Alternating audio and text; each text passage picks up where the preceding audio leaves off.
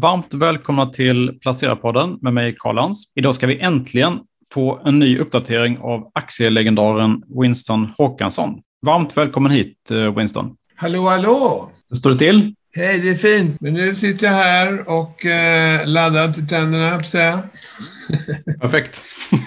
ja, Karl. Eh, det har ju varit en eh, ganska tuff marknad här ett tag. Ja, fast vi har haft ett litet rally ändå under sommaren. Ja, det har det varit. Och nu mm. vet jag inte riktigt om det har kommit av sig lite grann eller inte. Det är mycket motstridiga uppgifter nu. Är det inte rädsla inför Jackson Hole-mötet här? Jackson Hole, ja, ja. Mm. Just det. Det är här där alla fina bankers träffas, ja. Ja, det är på fredag är ju då Det är på fredag, mm. ja. Det, det är säkert eh, en anledning till oro. Det tror jag också. Men eh, det finns ju många orospunkter nu och, och, eh, för den som är ständig optimist så är det ju ganska bra för det skapar ju köptillfällen. Men, men jag tror man kanske ska vara lite försiktig i alla fall. Okay. Och, absolut. Mm. Som vanligt en väl avvägd portfölj och så ta gärna lite långsiktiga grepp på den också, tror jag är viktigt. Mm. Så att eh, man inte grips av eh, alla de här ystra eh, idéerna som kommer i alla våra kolorerade tidningar. Nej. Inga namn, men, men en del idéer är säkert bra, men, men det gäller verkligen långsiktighet nu tror jag. Och vinstavkastningsförmåga. Ja.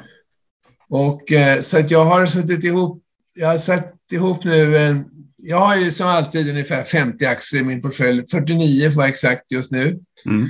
Och eh, ett antal av dem är väldigt små innehav och det är bara sådana här... Eh, alltså, det är sådana här memory-innehav det. Att eh, jag ska komma ihåg den här aktien. För att om man säljer någonting som man tror det här är för dyrt så är det väldigt lätt att den bara liksom hamnar... Även om man sätter upp den i bevakningslistan där som jag har hos Avanza så det, det, den drunknar i alla fall. Så här. Så mm. att, eh, är det någonting som man tror på men inte för ögonblicket, då brukar det ofta bli en så här... Som en liten minneslapp helt enkelt? Ja, helt enkelt. Kan man, ja, men jag har till exempel tio aktier i Sandvik, ja, man, bara för att ta ett exempel. Mm. Det brukar bli så här fem, tio aktier någonting. Mm. Och, eh, och så, så ligger de där, så plötsligt så börjar man röra på sig. Aha, liksom, då måste man in och gräva och då får man en memory. Det är mycket snabbare än att, än att eh, än att ha någon lista någonstans man ska titta på då och då, för det blir ju inte gjort kanske på en vecka eller ibland eller mer. Då är mycket redan taget så att säga.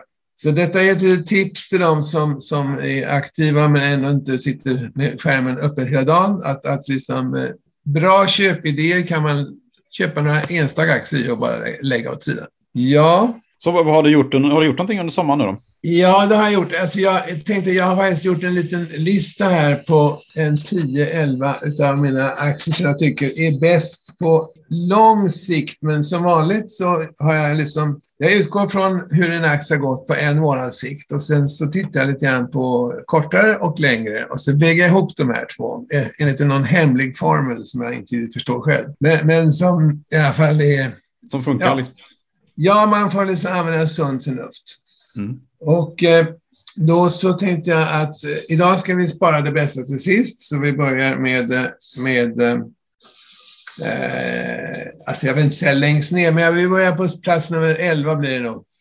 Och eh, det är Novo Nordisk mm. som jag ju gillar väldigt mycket. Och eh, den aktien har ju gått upp en hel del sen vi började prata om det, du och jag.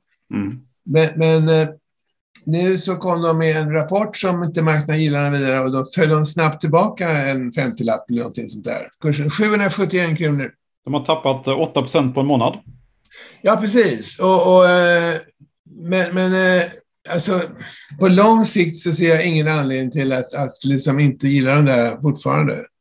Och det är den här alltså, deras stora specialistkompetens det är ju diabetesproduktionen. Mm. Och sen har de ju då tagit upp den här... Eh, alltså överviktsmedicin kan man säga. Överviktsmedicin, precis. Och den har ju nu verkligen tagit fart efter jag förstår. Och eh, så att... Eh, och de är ju störst, alltså de är ju absolut, de är världsstörst på insulin. De, de är ju så stora så att det, liksom, det kommer ingenting och sen kommer ingenting och sen kommer en del mindre. Och, eh, så att på sikt så ser jag ingen anledning till att inte det här ska vara ett, ett väldigt bra företag. Och det är klart, avkastningen är bara 1,45 procent. Det, det får man ju vänja sig vid när man har att göra med sådana här tillväxtbolag. Så att eh, vi har med dem. Nästa mm. bolag här, majonnäsen, de har kanske inte pratat om på ett tag, det är Biogaia. Ja, det var länge sedan. Mm. Ja, och Biogaia har ju också gått ändå ganska skapligt i år och eh, det, är ett, det är bioteknik som börjar med, med eh, Aphidophyllus och eh, ja, kort sagt, alltså bakterien Lactobacillus reuteri som de har utgått ifrån. Och det där har ju gett en väldig massa nya idéer. Jag tror ju att Biogaia kommer ju en dag att bli uppköpt. Och det är nog inte rocket science, utan det tror jag nog fler tror. Och aktieavkastningen är ju nere på 0,76 procent. Jag kommer ihåg när den låg i 4-5 procent. Mm. Men, men, eh, det är en aktie på 95 och 35 som de stod i slutet med i fredags. Mm. Så eh, jag ser att de är på väg upp. Och eh, det är väl alla de här bolagen som jag pratar om idag. Alla är de på väg upp alltså. Och på olika nivåer. Och aktien, aktien har bara gett 11 eh, procents avkastning på tre år. Ju... Jag vet, det, det mm. är en ganska dålig avkastning på kort sikt, men jag ser nog också att de börjar röra sig uppåt nu och det, det tycker jag är ett hälsotecken. Sen har vi då ett annat företag som vill ha pratat om lite då och då. Alltså man kan säga så här att min portfölj, om jag bara får ta ett kort övergripps, översiktsläge Självklart. Det är mycket utländska aktier. Det är mycket väletablerade aktier med något undantag. Det är, det är aktier som verkligen har liksom format sin verksamhet och som, som, eh, som är alltså väldigt starka i, i, i sin, inom sin verksamhet. Och, och, det är sådana aktier som man gärna har nu när det är lite skakig marknad. Det, det, det gäller att ha sånt som man verkligen tror på, inte mm. bara tror eh, av hjärtat och den ena av huvudet. det, är liksom, det är, eh, detta är bolag som man kan sitta kvar med. Alltså stabila marknadsledare kan man säga, eller? Ja, och... och som har pricing power. God, eh, alltså väldigt väletablerade inom, sin, inom sitt eh, verksamhetsområde mm. och som inte har så stora hotbilder mot sig. Alla företag har hotbilder mot sig, men, men som, som ändå har en ganska skaplig vallgrav. Man säger. Och då kommer vi då till LVMH som ju är ett företag som är väldigt speciellt i sin, i sin art överhuvudtaget. Mm. Jag vet inte om vi har haft med dem någon gång. Vi har nog pratat om dem någon gång, tror jag. Ja, det har vi nog gjort. Och, och, ja, nej, men de är väl välkända i alla fall. Att de, är... de är liksom mm. otroligt kända. med tanke på att de bildades alltså för det är liksom bara 35 år sedan, 1987 bildades ja, de. Otroligt. Mm. Ja, utav den här killen Arnaud då, som, som mm. det är en lång historia, vi ska inte gå in på den. Men, men de har ju sina väldigt starka områden inom allt ifrån vinslott till, till eh, väskor och kläder och eh, väldigt mycket kläder. Och, eh, alltså det är framförallt det är lyxvaror rakt igenom kan man säga. Och eh, detta var väl många som rynkade på näsan åt för några år sedan och sa att det där var riskabelt. Det har visat sig vara precis tvärtom. Det har varit ett otroligt eh, säkert företag får man säga. Och de kan höja priserna lite som de vill också? Ja, de verkar ha en, en, väldigt bra ställning. Så att eh, men har du, det är Parisbörsens största bolag också, överlägset största. Ja, det är det. det de är väldigt stora och eh, de har då en avkastning på 1,72. Det är inte så tokigt ändå. Nej. Sen har vi ett, vi eh, går vidare här nu i spenaten så har vi eh, Sen har vi ett annat franskt företag, vi som är lite frankofona. Jag har faktiskt flera stycken idag. Mm, det är L'Oréal. Okej. Okay. Mm. Och eh, det är då kosmetika och hudvård och, och allting. Även de har ju varit är otroligt liksom starka i sin verksamhet. Alltså de, de är, det finns inget, för, inget företag som kan slå dem i, i, i, sin, i sin etablerade ställning. Och eh, de kom med en rapport här alldeles inte så länge sedan och, och med, med, eh, var väldigt optimistiska om eh, resten av året. Och, och de verkar nästan självsäkra i sin, sin uppfattning att de ska öka både vinst och försäljning trots de lite skakiga omständigheter som har varit. Jag tror att eh, försäljningen, är, alltså L'Oreals försäljning är liksom så enormt etablerad så att eh, eh den står sig även i, i, eh, i sådana här lite skakiga tider. Ja, sen har vi ett företag som, eh, vi har några svenska företag, i alla fall halvsvenska. Eh, AstraZeneca. Mm, läkemedelsjätten. De har gått bäst av alla mina aktier under eh, vissa perioder här. Upp 35 procent i år. Ja, de går som ett jäkla spjut. Och eh, och vad vi ska säga om dem är att, att eh, ja, resultatet är ju liksom otroligt bra och eh, trots att de har gått upp så mycket så ger de ändå 1,95 procents direktavkastning, vilket jag har noterat. Du hör att jag fixerar mig vid avkastning, för jag tycker att eh, det är väldigt viktigt nu liksom, i den här lite skakiga marknaden att det finns någon slags eh, eh, hållbarhet i företagen. Och istället så går jag över till ett företag som heter Lazard, som vi har pratat om förut många gånger. Privatbanken? Privatbank i Amerika. Mm. Och eh, som sysslar med eh, två saker. Och det ena är att de håller på med, eh, med investment banking. De, de hjälper alltså företag att eh, köpa och sälja andra företag. Det har de gjort med stor framgång i snart ja, 175 år. Mm. Och sen så har de alltså, och det andra benet är att de har då en, en eh, kapitalförvaltning. Och eh, det där, de där två eh, grenarna, de, de omväxlar den ena eller den andra större och, och går bättre. Och, eh, men det är väl bra att ha den där, den där kapitalförvaltningssidan, för då och det är lite, men lite långt emellan varven innan man får in någon bra provision på någon företagsaffär så kan man leva på det istället. Och detta, jag vet inte jag har noterat att de här läsarna, de har haft det lite svårt ibland. Men, men alltså de ger 4,9 procents direktavkastning. Jag tycker det är en lysande avkastning. Mm, det är väldigt bra. Och då ska man säga att de har ofta haft en ganska bra avkastning, så det är inget speciellt just för det här läget. De, de har alltid haft det. Och eh, man kan säga också om dem att deras eh, direktörerna i Lazar, de älskar att tjäna pengar. Det är en fördel. Det, jag tror mycket på den egenskapen. Mm. Och eh, så att eh, nu ligger aktien så här i någon slags normalläge kan man kalla det för. Och eh, definitivt med i min del av mina större innehav kan jag säga. Den är ner 18 procent i år, ser jag. Ja. Och jag har ökat. Fastän dollarn är så stark just nu? Ja, det, det är den ju. Och, eller så är det kronan som är svag, eller så är det lite ja. både och kanske. Ja, 38 dollar läser det. Sen har vi då ett annat företag, vi håller oss lite grann här i Storbritannien här tag och Frankrike. Och det är ett bolag som vi inte haft förut och det är Pearson. Mm. Och vad är Pearson för någonting då? Jo, det är ett brittiskt företag som sysslar med utbildning numera. Och Pearson har en otroligt spännande historia för att eh, Pearson för sig 10-20 år sedan, de ägde bland annat det, det, brittiska Lazar. Och då var det så att Pearson ägde också ett bokförlag, Penguin Books har du säkert kommit på någon gång. Absolut. Mm. Och, eh, så de var ju väldigt stora förläggare och eh, de ägde också Financial Times. Mm. Så de har haft en hel del järn i elden under väldigt lång tid. Sen har de ju successivt eh, sålt av allt det här och nu gått in för utbildning. Mm. Och det är alltså det är allt från lärarutveckling och, och pedagogisk programvara och eh, övergripande lösningar. Så, så de äger och driver skolor. Och det här bolaget har alltså funnits sedan 1844 och har sitt huvudkontor i London. Och eh, eh, jag har följt dem där en hel del. Och eh, i alla fall Pearson då, så, så jag har följt dem här till och från väldigt länge, men för inte länge sedan så passade jag på att köpa dem. De ligger idag i, och då köper de i New York, för det går att göra via Avanza. Hur som helst, eh, Pearson 2,43 procent ger en avkastning. Och eh, om du tittar på hur de har gått i år så har de gått jävligt bra. Och eh, de är upp eh, i år 23 procent. Det är ganska bra. Det är väldigt bra. Ja. Så att eh, det är en... Eh, det är ett kul företag. Ja, då går vi vidare till eh, nästa pilsner.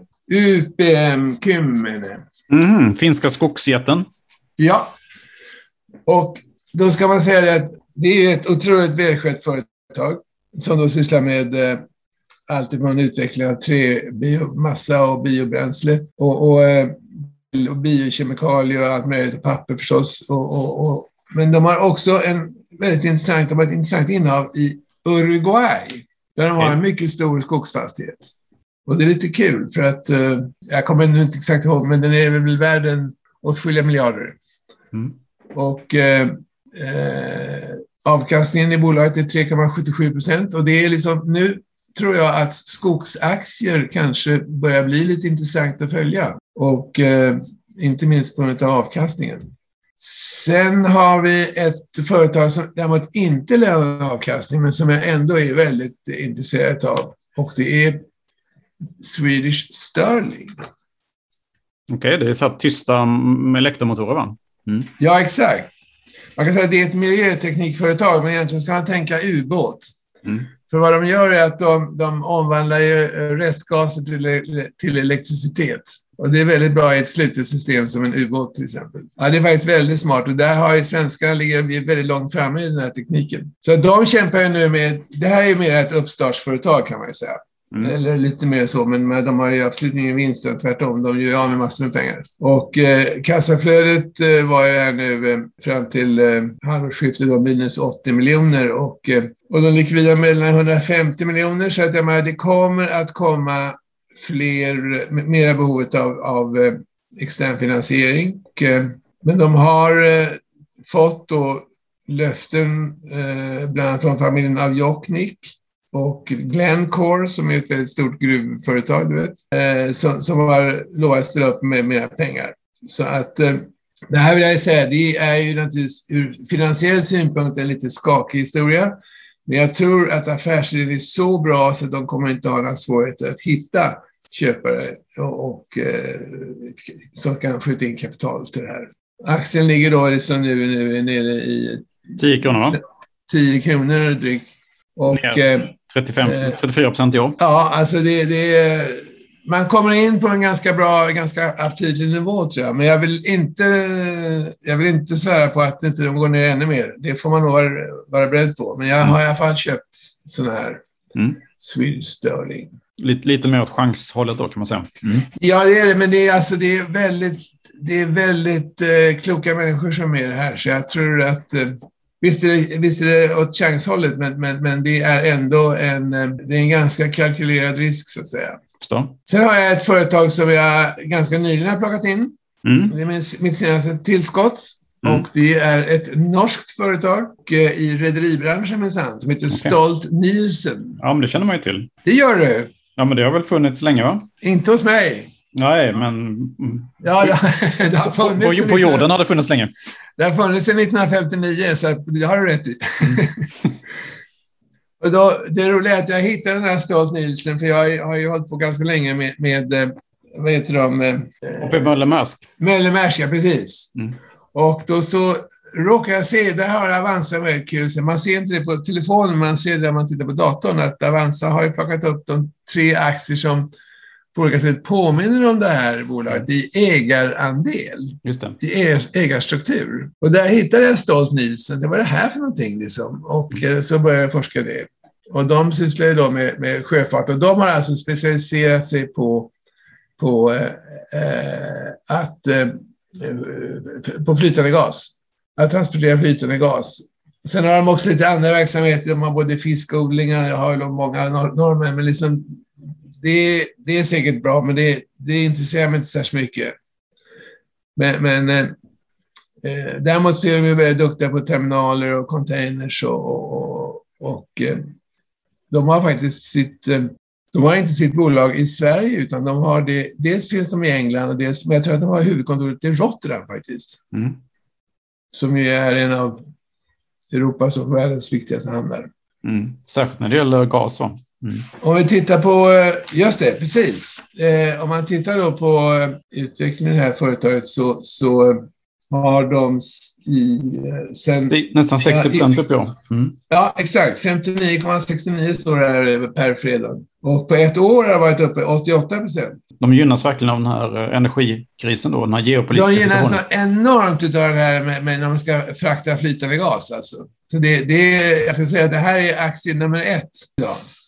Och eh, kursen ligger på 219,20 någonting. Hur många aktieägare finns det hos Avanza? Det finns 377 aktieägare just nu. Jaha, bra. Då vet vi det.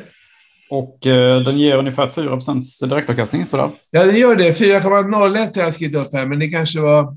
Det var ja, det per, fredags. Den är väl lite, lite högre då eftersom den går ner lite, lite grann idag. Ja, den har gått ner lite grann idag, som det mesta har gjort. Fast allting har inte gått ner ändå, såg jag det här. Det var liksom lite kul. AstraZeneca har gått upp. Det här var ju mina förslag Mm. Jag har ju också noterat en del andra roligheter, men det här är mina förslag. För de här aktierna, jag har gått igenom resultatet och jag har gått igenom hur de har uppträtt på börsen.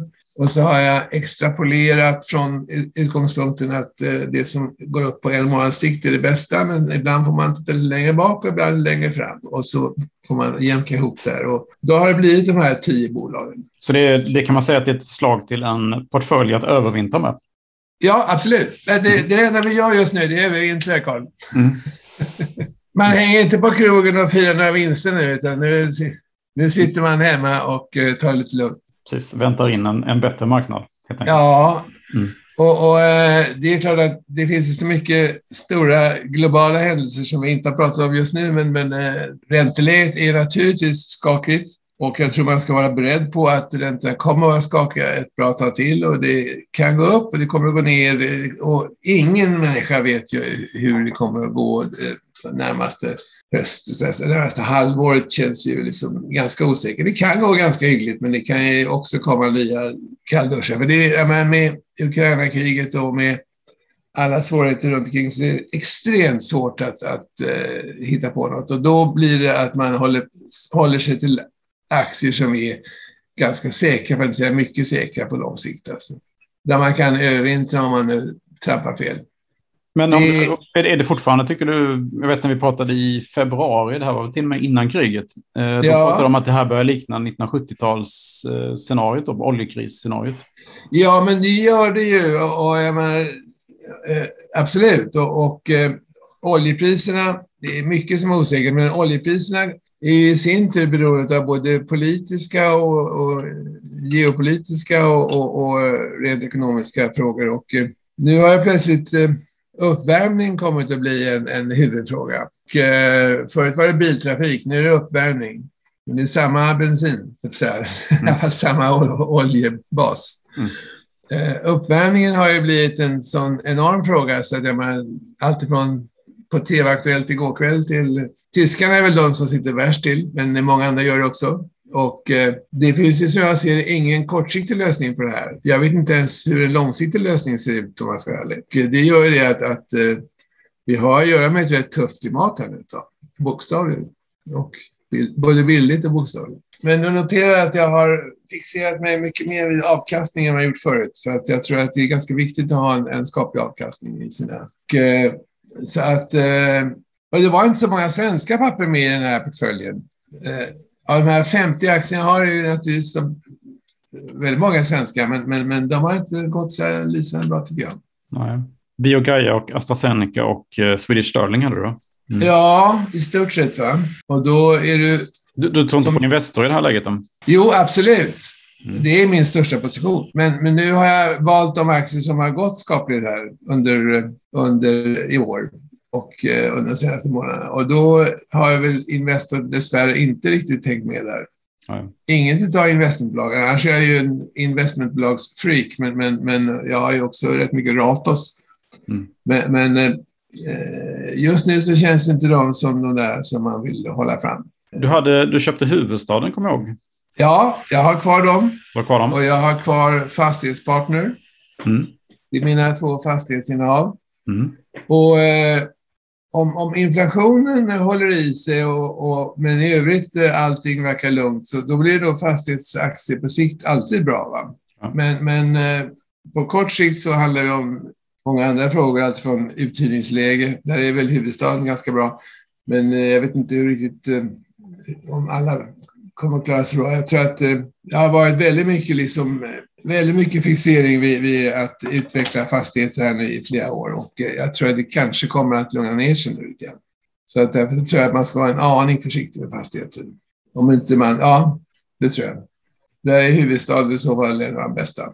Och eh, ja, där, alla de här aktierna har ju liksom lite grann eh, nischer då, så att säga. Så ren verkstadsindustri, där blir man lite mer avvaktande då allt ifrån fina företag som Alfa Laval och Sandvik och ASEA och andra sådana.